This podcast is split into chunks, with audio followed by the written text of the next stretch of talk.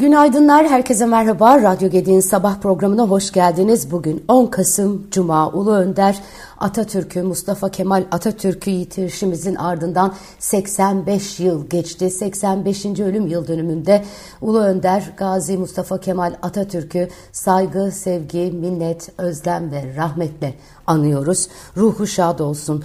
Bugün başlarken e, sevgili Alaaddin Aktaş'ın e, bir yazısı var e, Ekonomim gazetesinde. Onunla başlamak istiyorum. Mustafa Kemal Atatürk ile ilgili e, bir e, yazı e, kaleme almış Alaaddin Aktaş. Çok da güzel bir yazı. E, onu aktaracağım sizlere haberlere geçmeden önce. Büyük Önder Mustafa Kemal Atatürk Harp Okulu'ndan 1902'de temel rütbesiyle mezun olduğunda 21 yaşındadır. Çanakkale zaferini kazandığı 1915'te 34. Ülke elden gidiyor diyerek kelle koltukta Samsun'a ayak bastığı 1919'da 38. Türkiye Büyük Millet Meclisi'nin açıldığı 1920'de 39, Cumhuriyeti ilan ettiği 1923'te 42 ve aramızdan ayrıldığı 1938'de 57. 36 yıl Atatürk'ün öğrenciliğinin bittiği ve bir anlamda hayata atıldığı 1902'den vefat ettiği 1938'e kadarki zamana işaret ediyor. Ama belki başlangıcı artık kendi inisiyatifiyle hareket etmeye başladığı 1919 olarak Samsun'a çıktığı yıl al, olarak almak gerekir. O durumda 1919'dan 1938'e yalnızca 19 yıllık bir zaman diliminden söz etmiş oluyoruz. Kim bilir bir bakış açısıyla başlangıcı daha yakın zamana Cumhuriyeti ilan ettiği 1923'e çekmek daha doğrudur. Cumhuriyetin ilanıyla birlikte taşlar yerine oturmuş ve son Türk devleti kurulmuş, o devleti ayağa kaldırma dönemi de başlamıştır. Ama Büyük Önder için yalnızca 15 yıl vardır.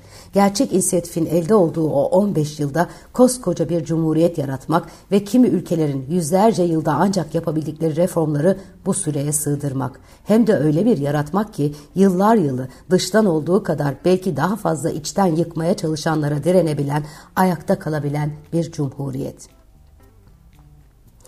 1881-1938 57 yıl.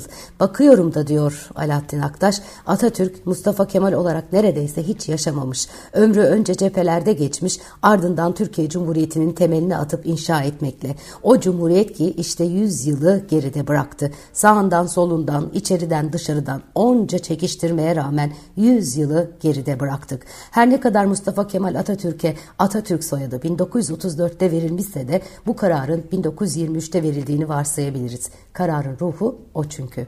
Büyük Önder önce ülkeyi kurtarmaya, sonra cephelerde elde ettiği bu zaferi uluslararası anlaşmalarla perçinlemeye ve ardından ülke kalkınmasına adamış kendini.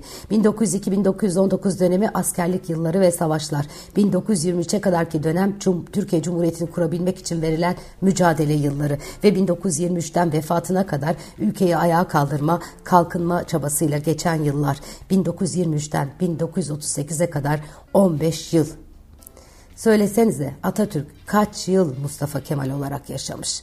Atatürk tüm ömrünü bu ülkeye adamış, bazıları algılamıyorsa, algıladığı halde bazıları da görmek istemiyorsa bile bu gerçek.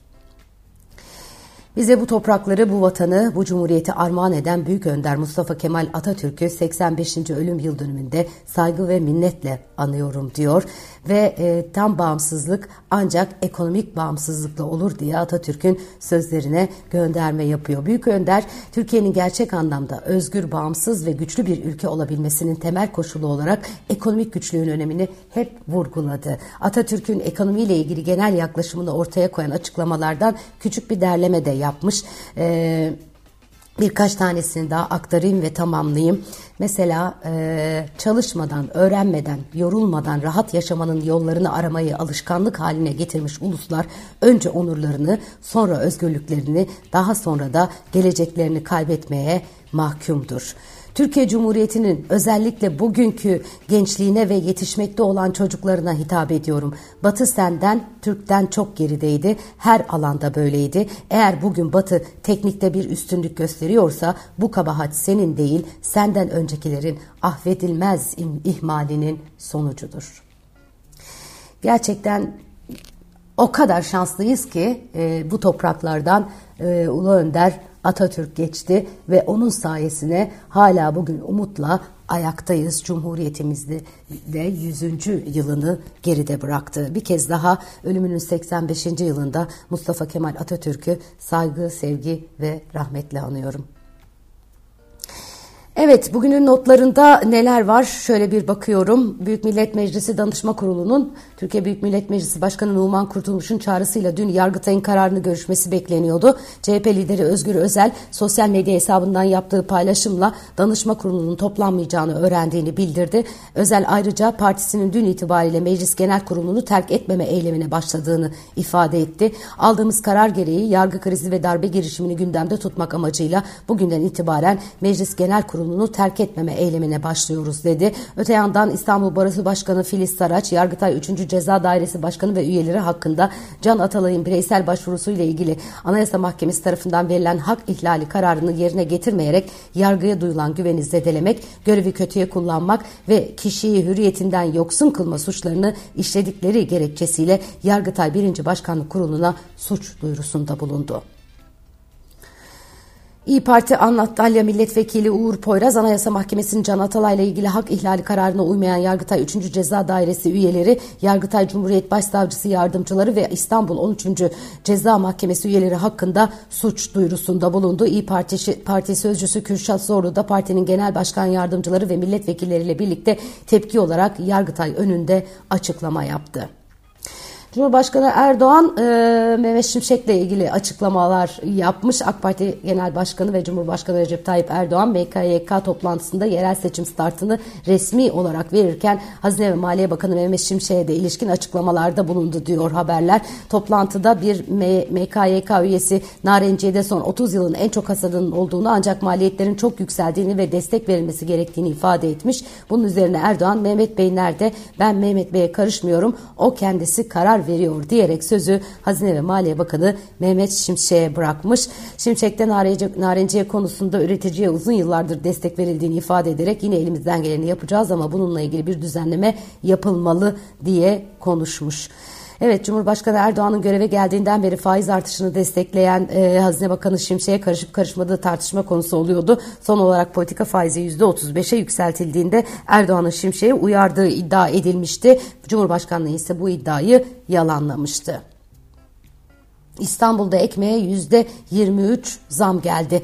İTO üyesi fırınların ekmek fiyat tarifelerinin belirlenmesi için İTO'nun Kasım ayı meclis toplantısında oylama yapıldı. Oylama sonucunda İstanbul'da 1 kilo ekmek fiyatı azami 40 lirayı geçmemek kaydıyla 200 gram ekmek için 8 lira olacak şekilde hazırlanan azami ekmek fiyat tarifesi kabul edildi. Ağustos ayında İstanbul Ticaret Odası'na bağlı fırınlarda 200 gram ekmeğin fiyatı 6,5 lira olmuştu.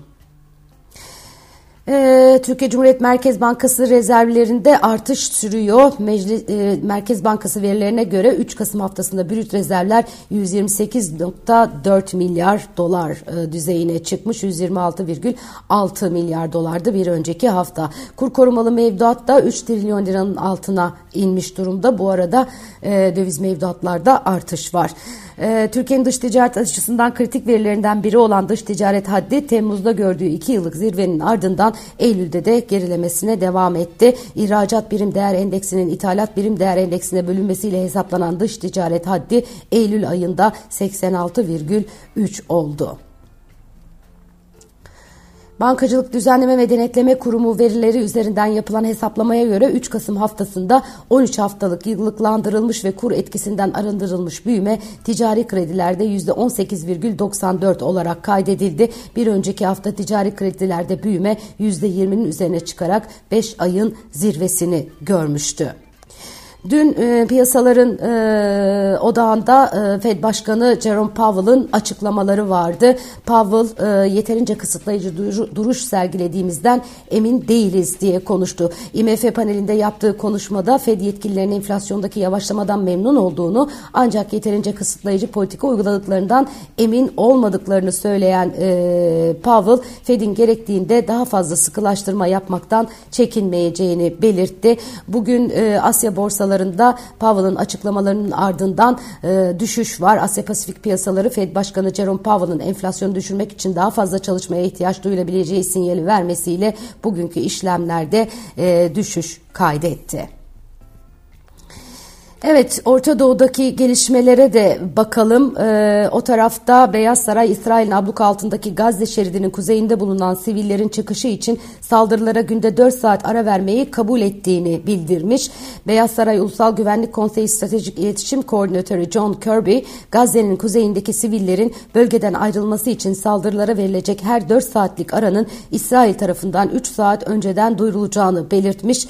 Ee, aralı, e, aralarında insani yardımların ihtiyacı e, olan bölgelere ulaştırılmasına ve Filistinlilerin zarar görmeden bölgeden ayrılmalarına ona, olanak tanıyacağını savunan e, Kirby bu araların e, özellikle sivillerin çatışmalardan uzakta daha güvenli bölgelere ulaşmalarına yardımcı olmak açısından doğru yönde atılmış bir adım demiş. Ateşkes kararına NATO'dan da destek geldi deniyor. NATO Genel Sekreteri Stoltenberg NATO müttefikleri Gazze'ye insani yardımların ulaştırılması için çatışmalara ara verilmesini destek desteklemektedir diye e, konuşmuş.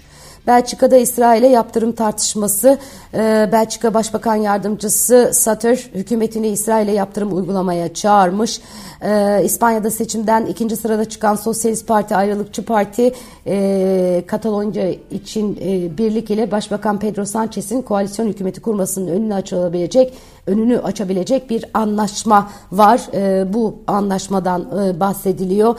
E, kapsamında da ayrıkçılarla af karşılığı hükümet pazarlığı yer alıyor. Evet Hollywood grevi de resmen sona ermiş. Hollywood oyuncuları ve stüdyolar 118 gündür süren grevin sona ermesi için geçici bir anlaşmaya varmış. Amerika'da eğlence sektörünün en uzun süren grevi oyuncular sendikası ve e, Disney ve Netflix gibi büyük stüdyolar arasında anlaşmanın sağlanmasıyla çarşamba gecesi sonlandırıldı. Yürütülen müzakereler sonucunda sendika oyuncular için daha yüksek maaş ve yapay zekaya karşı koruma sağlamış oldu. Daha önce de yazarlar büyük bir greve çıkmışlardı. Her iki grevin Amerikan ekonomisine 6 6 milyar dolara mal olduğu tahmin ediliyor.